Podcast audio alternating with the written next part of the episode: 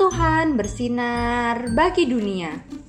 Renungan tanggal 25 April untuk anak balita sampai kelas 1 SD.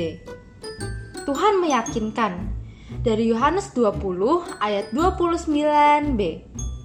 Berbahagialah mereka yang tidak melihat namun percaya. Agar Thomas percaya bahwa Tuhan Yesus telah bangkit, ia datang kembali untuk menemui para murid.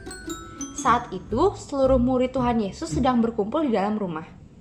Tuhan Yesus masuk ke dalam rumah yang sedang terkunci. Para murid pun terkejut.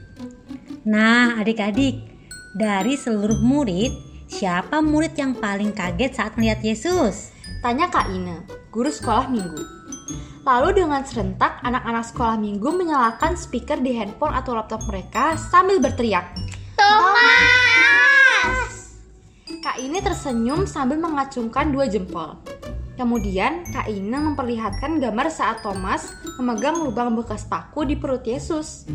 Thomas kemudian percaya. Adik-adik, siapa nih yang percaya bahwa Tuhan Yesus bangkit dari kubur? Mari kita berdoa.